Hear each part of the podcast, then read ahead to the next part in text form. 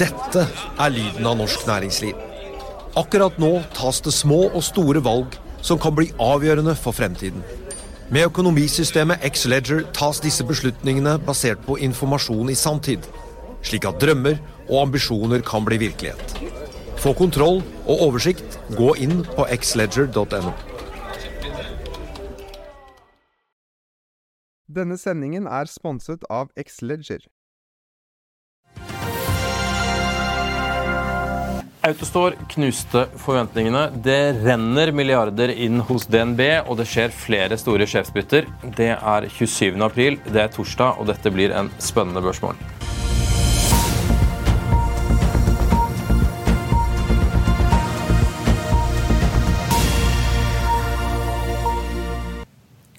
Velkommen til Børsmorgen her hos oss i Finansavisen. Jeg er Marius Mørk Larsen, og med meg har jeg Karl Johan Molnes. Og det er duket for en temmelig hektisk markedsdag. Det er i hovedsak oljeprisen som eh, ja, er eh, sjokket i dag. Den har rast de siste dagene, samtidig som det velter inn med nyheter. Førhandelen er opp 0,1% mens Nordnetts aksjeekspert Roger Berntsen venter en flat åpning. I Asia har det vært lite overraskelser i natt. I Japan falt Nikkei med 0,2% mens Topic-indeksen steg 0,1% Kinesiske Shanghai Composite er opp 0,2% mens Hang Seng i Hongkong er opp 0,1% Sørkoreanske Kospi er opp 0,1% den også. SNP ASX-indeksen i Australia er samtidig ned 0,5% Det var derimot litt kjedeligere stemning i USA i går. Wall Street har hatt en trå uke, og i går fortsatte SNP 500 ned 0,38 etter å ha gått ned 1,58% dagen før.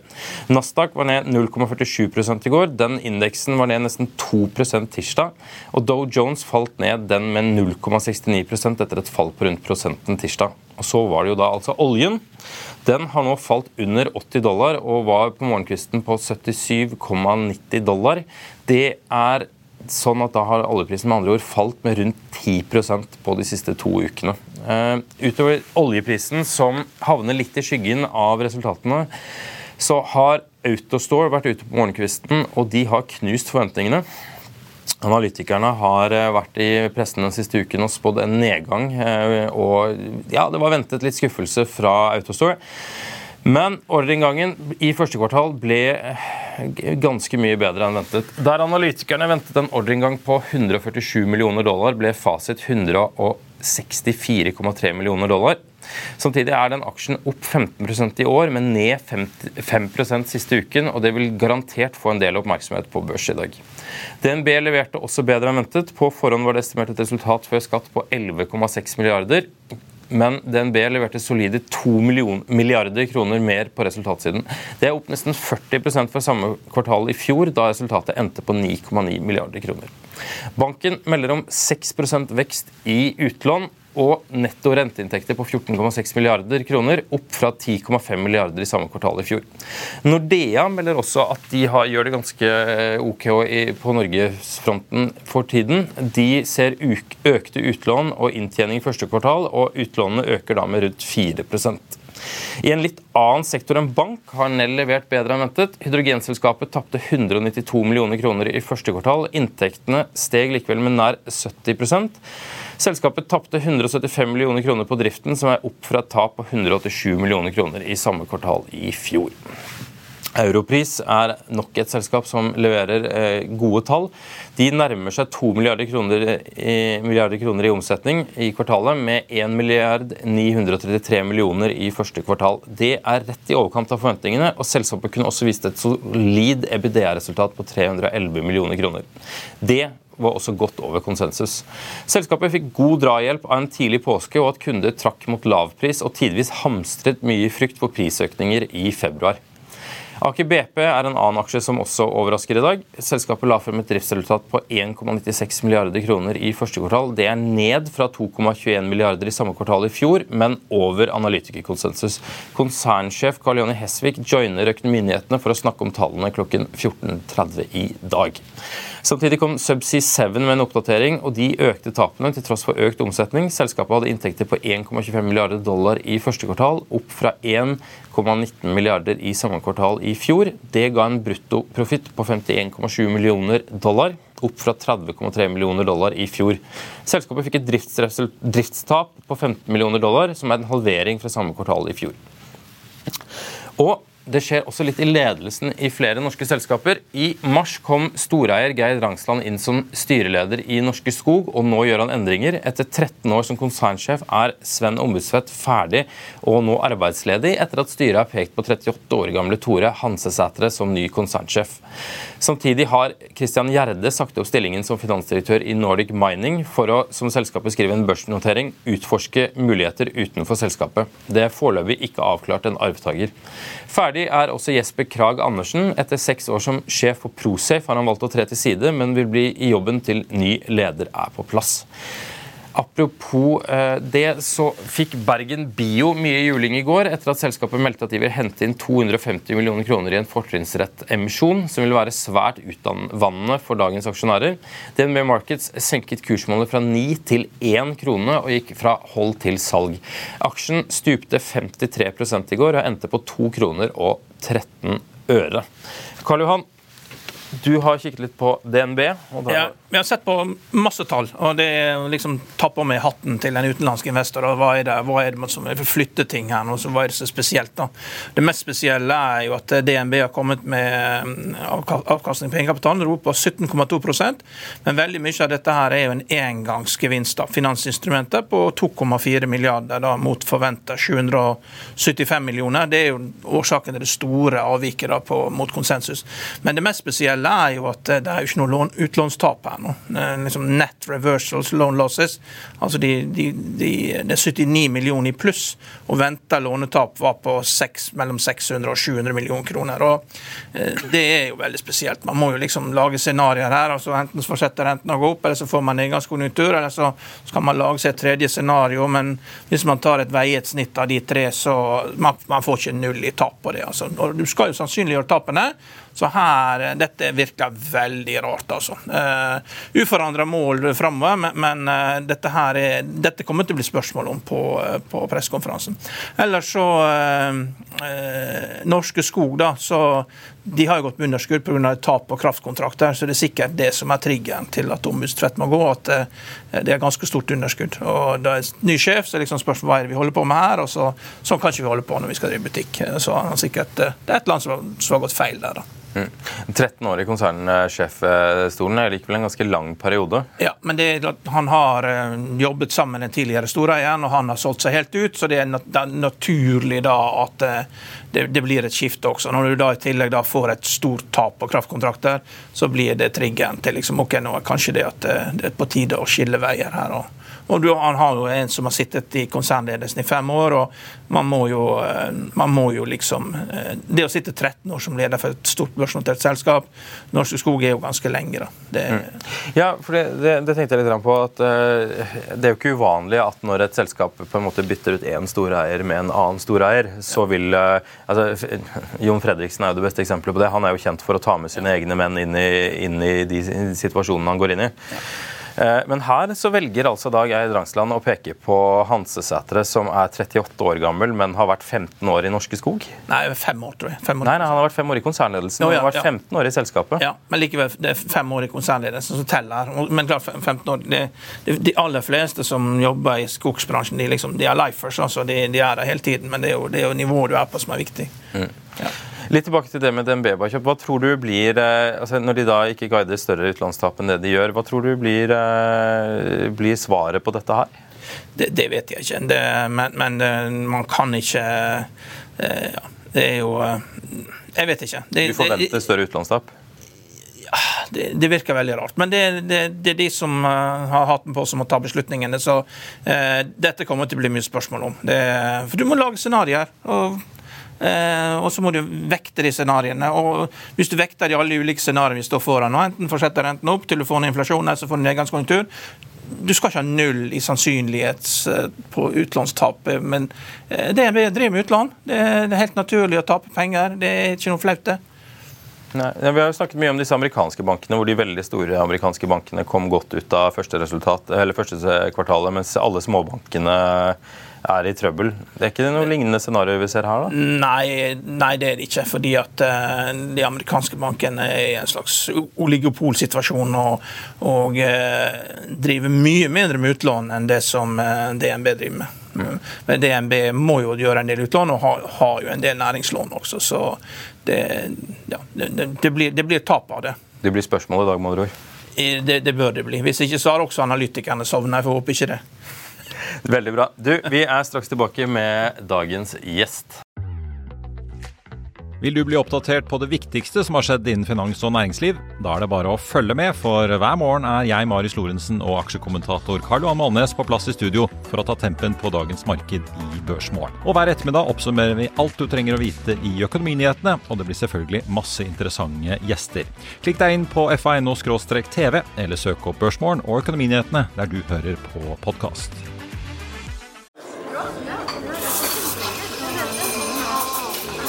Dette er lyden av norsk næringsliv.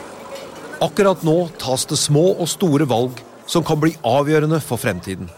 Med økonomisystemet X-Leger tas disse beslutningene basert på informasjon i samtid, slik at drømmer og ambisjoner kan bli virkelighet. Få kontroll og oversikt, gå inn på xledger.no. Denne episoden er sponset av van Brun, en fremtredende smykkeforhandler kjent for sitt brede utvalg av forlovelsesringer, gifteringer og diamantsmykker som bæres og elskes i generasjoner. Et frieri er en av de største øyeblikkene i livet, hvor forlovelsesringen er et tidløst symbol på kjærligheten. Valg av ring krever omtanke for både hvilket metall og diamant, med et bredt spekter av både naturlige og labdyrkede diamanter, og metaller som platina, gult gull, hvitt gull og roségull, hjelper de deg med å sette et personlig preg på din kjærlighetshistorie. Van Brun vil gjerne invitere deg til å prøve på tre av dine favorittringer fra nettsiden helt kostnadsfritt. Du kan også låne et bredt spekter av frieriringer, slik at du og din forlovede kan velge en ring sammen etter det store ja. Van Brun tilbyr 90 dagers åpent kjøp og 90 dagers gratis størrelsesjustering. Utforsk deres eksklusive sortiment i luksuriøse omgivelser. Bok en konsultasjon sammen med en diamantekspert i deres showroom i Oslo. Eller online på vanbrun.com. V-a-n-b-r-u-u-n.com.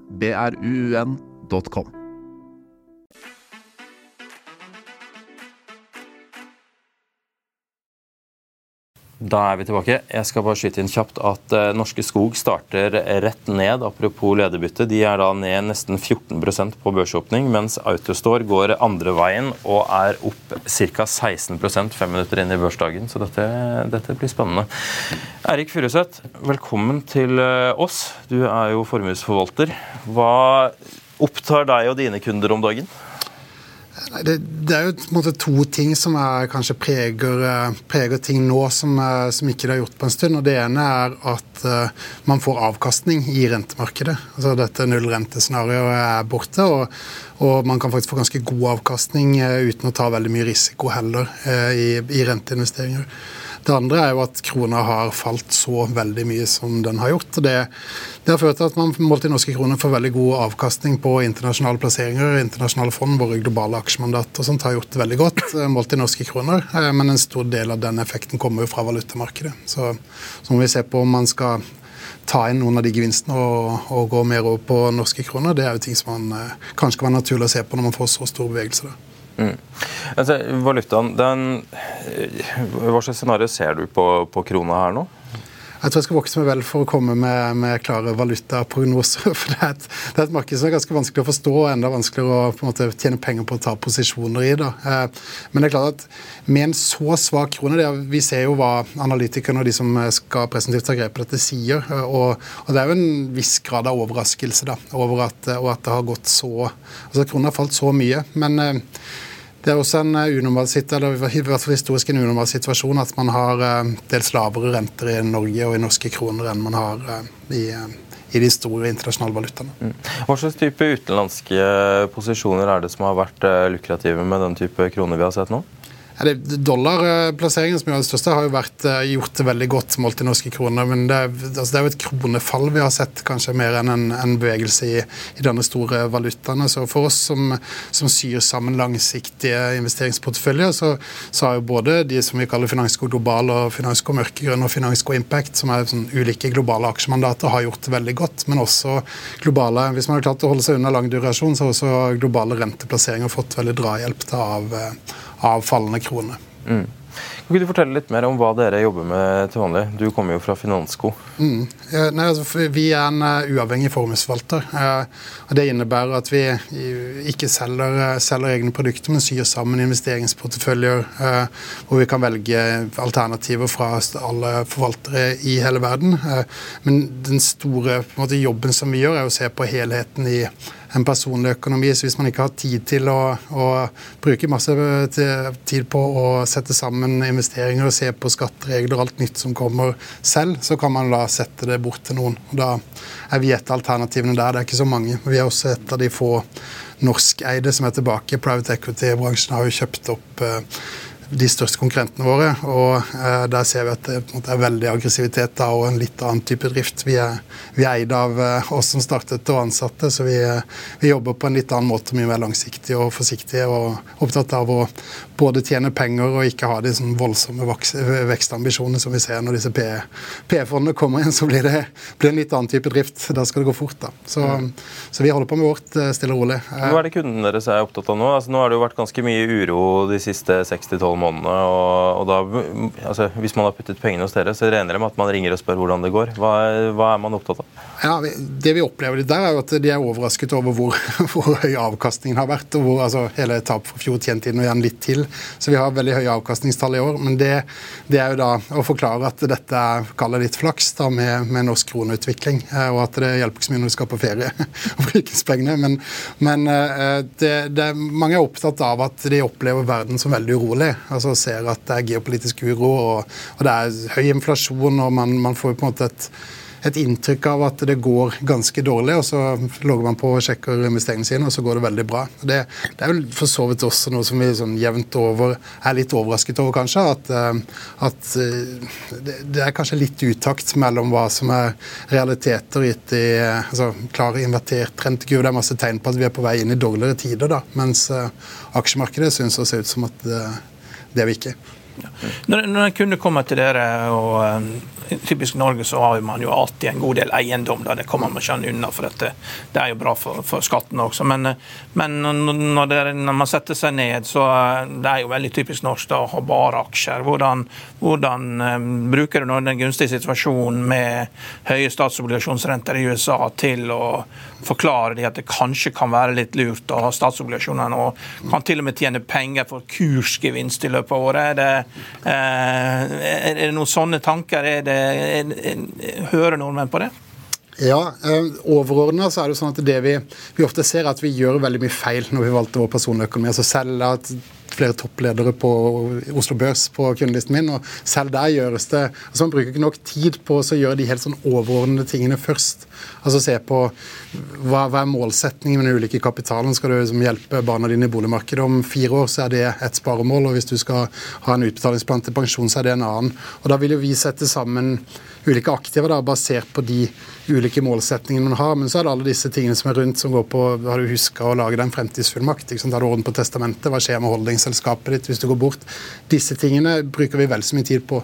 Så kommer på en måte investeringsporteføljen til slutt. og Da er jeg jo helt enig med deg at når da er det litt som vår oppgave da, å guide og, og, også ta grep for å se at nå En ting er jo amerikanske statsobligasjoner. Ja, kan du få god avkastning, og så gjør du for så vidt litt et bet på rentefall. Men du kan jo få i det norske, nordiske high yield-markedet så kan du få 10 løpende rente nå, eh, cirka, hvis du, lager en bredt anlagt portefølje av det. Og det fremstår jo som altså For oss da, som er som konservative og forsiktige og opptatt av ikke tape penger, så er, så er eh, risiko, eller risk reward, da, risikojustert avkastning, er veldig god i rente rentemarkedet og en del av de tingene som ligger der nå. Så du bør ikke dra det på en måte langt opp på risikokurven. Så er jeg enig med deg at det, litt internasjonale obligasjoner det, det, det, har vært et veldig kraftig renteoppgang som har ført til at kursene på i internasjonale obligasjonsfond har falt veldig kraftig. Og Vi blir alltid litt sånn interessert når uh, fornuftige aktive klasser faller mye verdi. Så, så bør vi tenke, se om det er en mulighet for at dette reverseres. Det er enten det er i valutamarkedet eller som du er inne på i, i obligasjonsmarkedet. Så Vi prøver å spre det godt utover og er ikke de som er på en måte hardest på å jage og ta uh, harde bets og posisjoner. Men, men, alle større bevegelser interesserer oss, og så prøver vi å justere oss inn etter det. Mm. Hva er det du er skeptisk til nå? Altså, Hva bekymrer deg? Uh, ja, det er, det er mye som bekymrer. Det har jo vært en invertert rentekurve, altså et veldig veldig klart resesjonssignal. Um, når inflasjonen blir så å si at den er ute av kontroll, er vel kanskje feil, men, men, det er klart at dette vil jo påvirke oss. Altså, vi, vi, vi taper, uh, taper, kjøpekraft når, når, prisene stiger fort, så den største bekymringen er jo om sentralbankene klarer å bruke akkurat nok medisin. altså klarer man å å unngå eh, å dra til så hardt at vi får en, en alvorlig økonomisk tilbakeslag, eller, eh, eller får, vil den inflasjonen bite seg fast. Så det er jo det som er den største bekymringen, kanskje, i tillegg til selvfølgelig eh, krigen i Ukraina, som, som er forferdelig, også, altså, av andre grunner også enn det økonomiske. selvfølgelig. Mm. Dere, altså, nå har vi jo vært gjennom en, en ganske sterk konjunktur ganske lenge. Eh, og hvordan er det, altså, Den type kunder som dere har, har de da foretrukket å trade selv? For det er jo mye folk som har begynt å trade sjøl i den perioden. her, Eller er det, er det, da lettere å få inn penger, og at det nå det blir tøft? Ja, det, det, går litt i bølger, det der.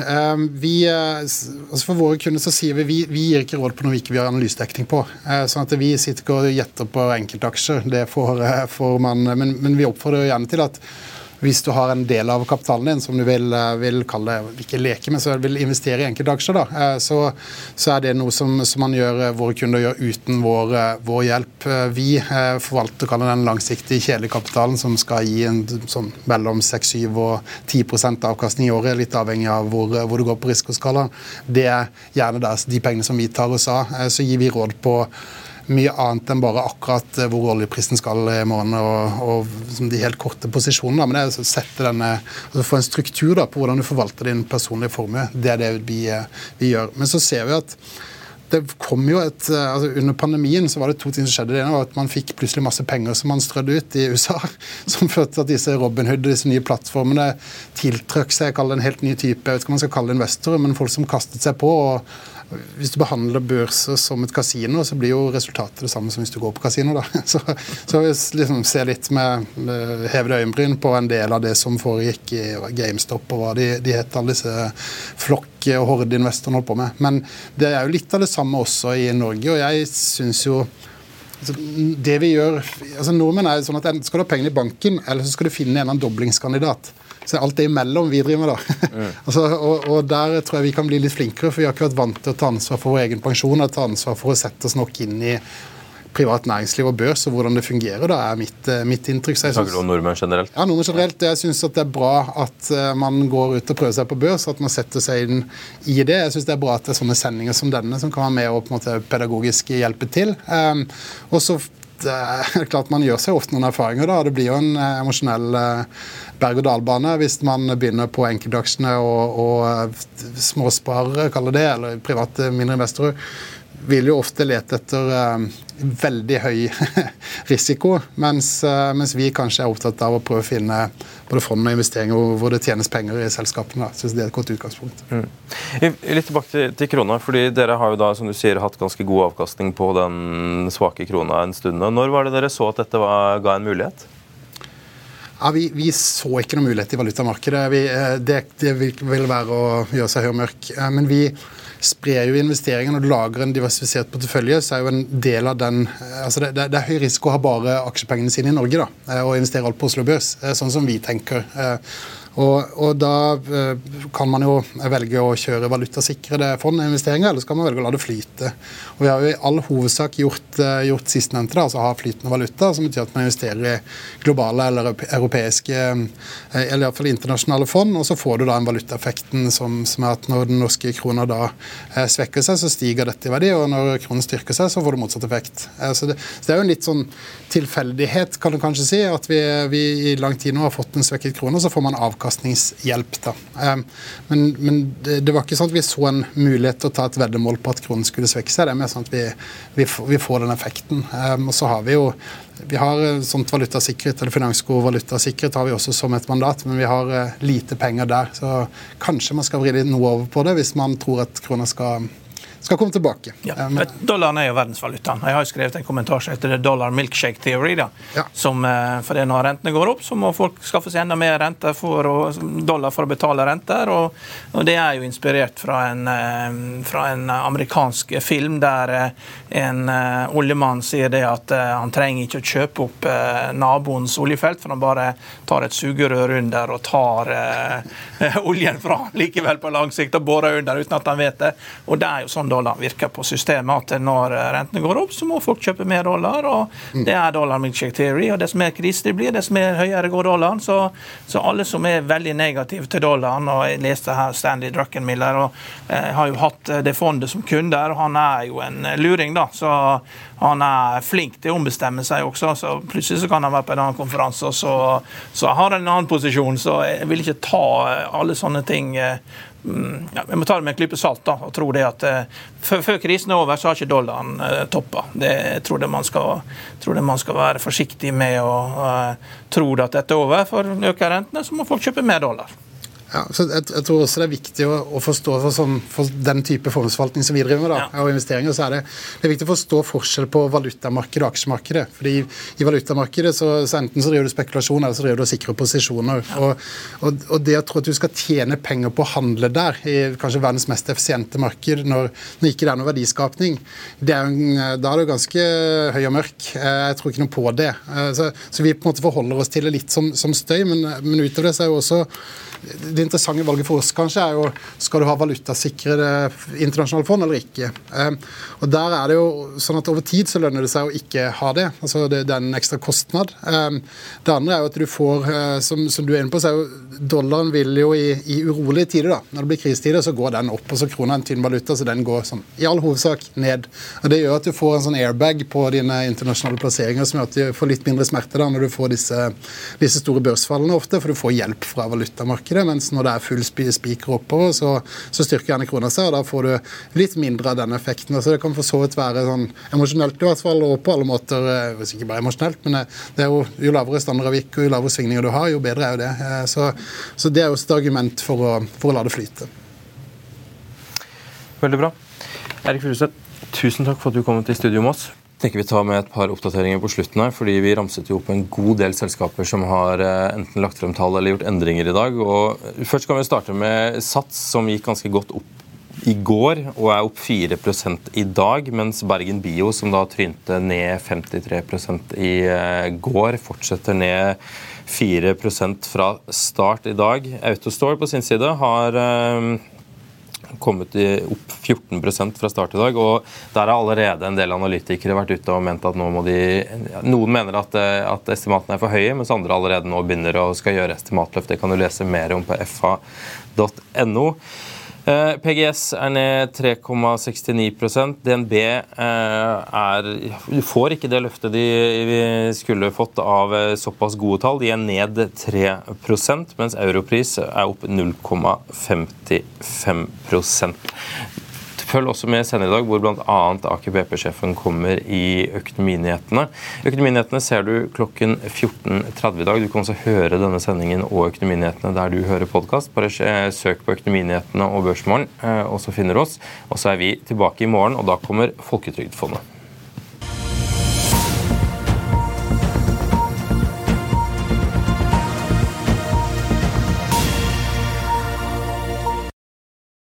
Denne sendingen er sponset av Xleger. Økonominyhetene er en podkast og videoproduksjon fra Finansavisen. Programleder er Marius Lorentzen. Aksjekommentator er Karl Johan Molnes. Produsent er Bashar Johar. Podkast- og videoansvarlig er Marius Mørk Larsen. Og ansvarlig redaktør er Trygve Hegnar.